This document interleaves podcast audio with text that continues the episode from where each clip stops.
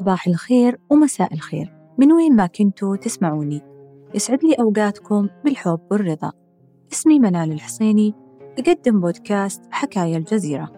نقدم فيه قصص من جميع أطياف المجتمع. كي نهون وجعا ونرسم ابتسامة.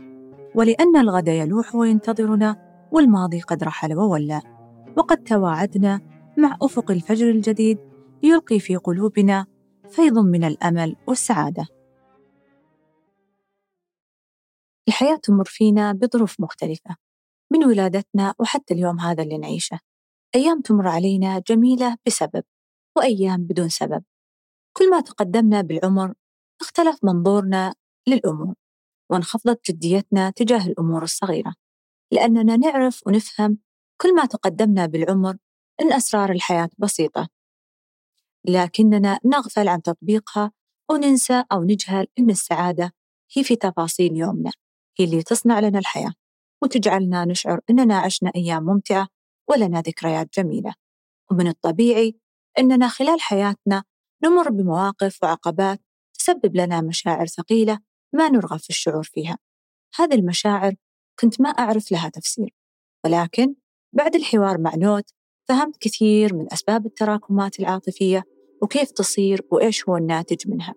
اطلعت معاها على قصص جميلة تخطت المعاناة وتجاوزت حدود الألم.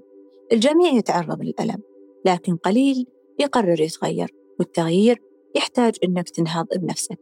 ضيفتي اليوم نوت الثميري باحثة في سيكولوجية العقل في التعامل مع المشاعر. خلونا نستمع لها. كثير مننا إذا مو كلنا نتعرض لمواقف كثيرة في حياتنا وتتراكم هذه المواقف وهذه المشاعر داخلنا. وتبدأ تأثر على أفعالنا وعلى ردود أفعالنا. دائما كنت أتساءل ليه يختلف الأشخاص في شعورهم تجاه نفس الشيء؟ وليه ممكن شخصين يتعرضون لنفس الموقف؟ هذا يتأثر لفترة طويلة والثاني ما يتأثر أبدا. وممكن شخصين يكونون في علاقة سيئة لكن بعدها كل شخص يلقى اللي يفهمه مع أنه كلهم أشخاص طيبين. هذه الأسئلة الكثيرة خلتني أبحث بداية في موضوع العلاقات والحوار وفهم الأشخاص المختلفين عنك. وبعد ما تعمقت في هذا المجال لقيت أن كثير من مشاعرنا في العلاقات سواء كانت العلاقات الزوجية أو الأسرية أو حتى باقي العلاقات من الصديقات أو زميلات العمل كلها بدون استثناء تجي من شعور يحركنا هذا الشعور ما يظهر في هذه العلاقة بس لكنه يتكرر ويظهر مع نفس الشخص في كل العلاقات أو أغلبها ليه؟ السببين السبب الأول هي تراكمات من الطفولة موقف على موقف تتجمع هذه المواقف لحد ما تكون عندنا قاعدة شعورية. هذه القاعدة الشعورية هي اللي تحرك الأفعال وردود الأفعال.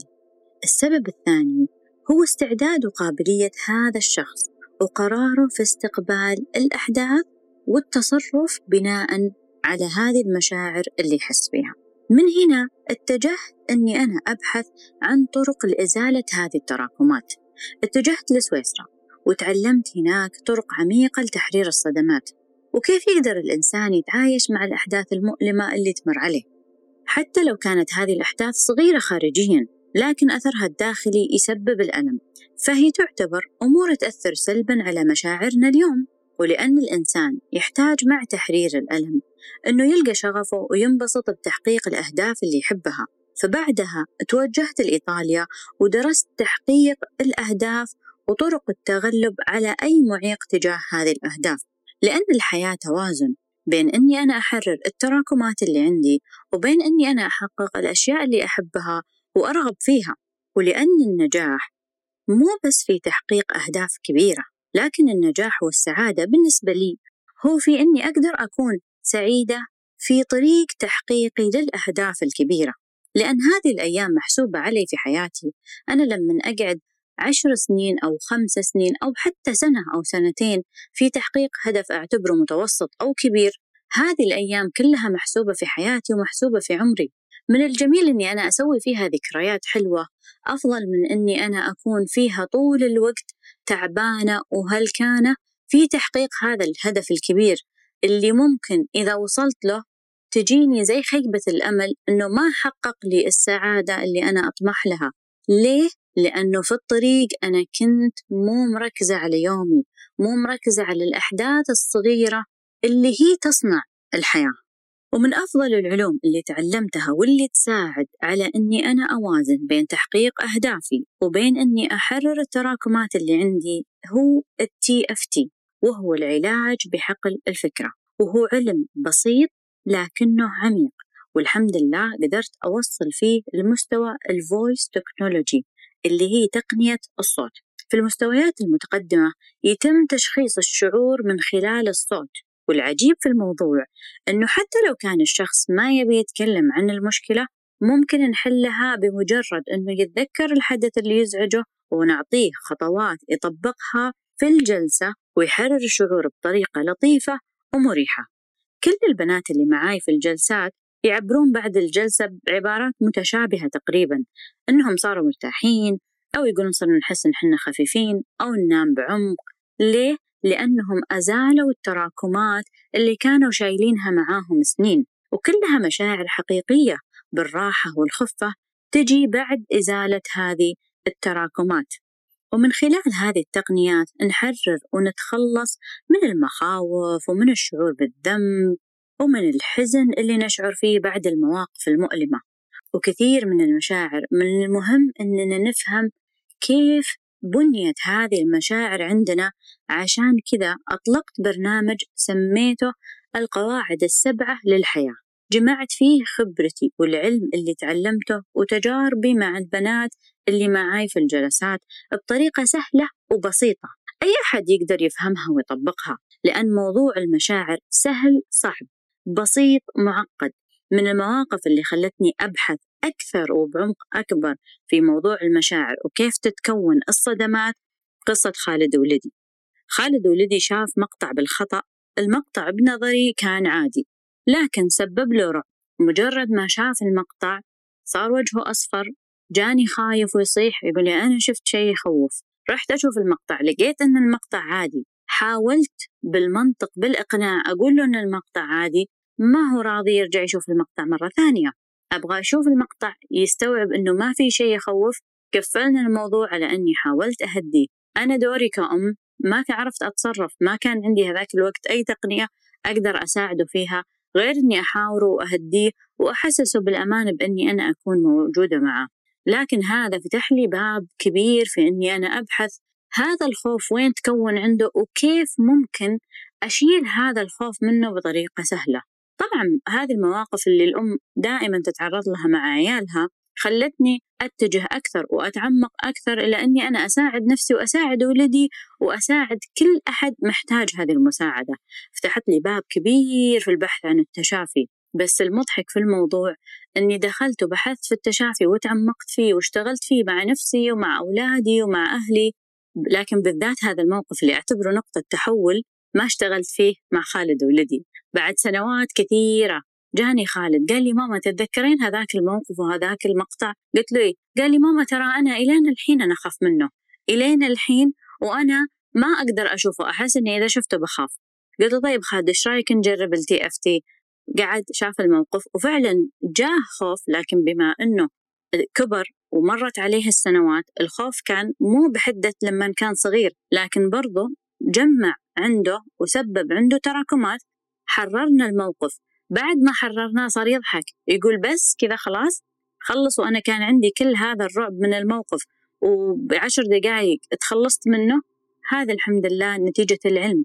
والخوف من أول المشاعر اللي تتراكم عندنا ويبدأ أول المخاوف من عملية الولادة وخروج الطفل من الحماية الكاملة في بطن أمه إلى عالم يختلف تماما عن اللي تكون فيه.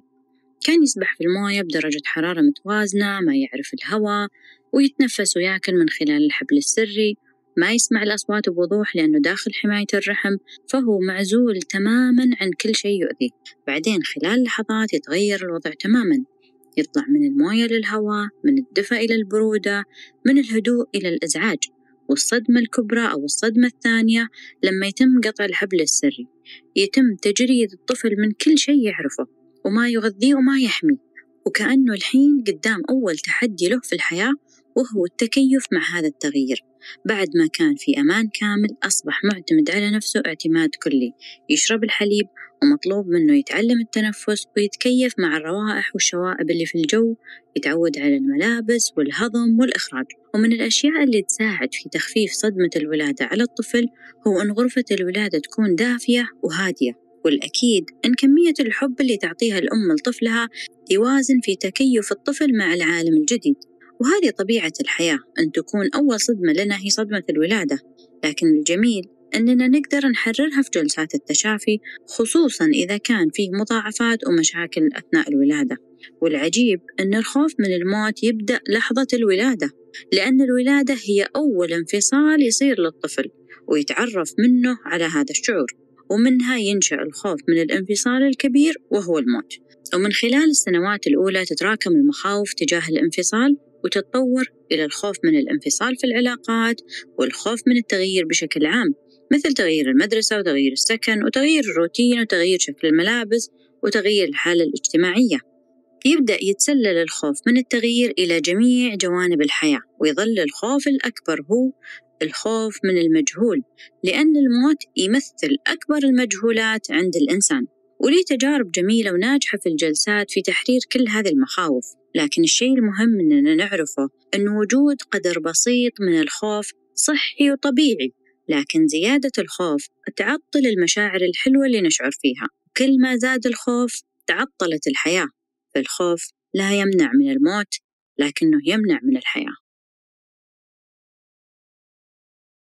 جميل أن تساعد أشخاص يعتقدون أن مشاكلهم ما لها حل وتدمج العلم مع القصص لتحرير الصدمات للمساعدة على التشافي وتغيير الأحداث غير المرغوبة وجعلها فرص مثالية لإحداث تغيير في الواقع لرفع مستوى الوعي. ختاماً يمكننا تحويل الأحداث المؤلمة إلى فرصة سعيدة للتعلم أو النمو ومساعدة الآخرين. نريد مساعدة بعضنا لأن الإنسان يحب الحياة ومن حوله سعداء لا تعسى ودمتم بود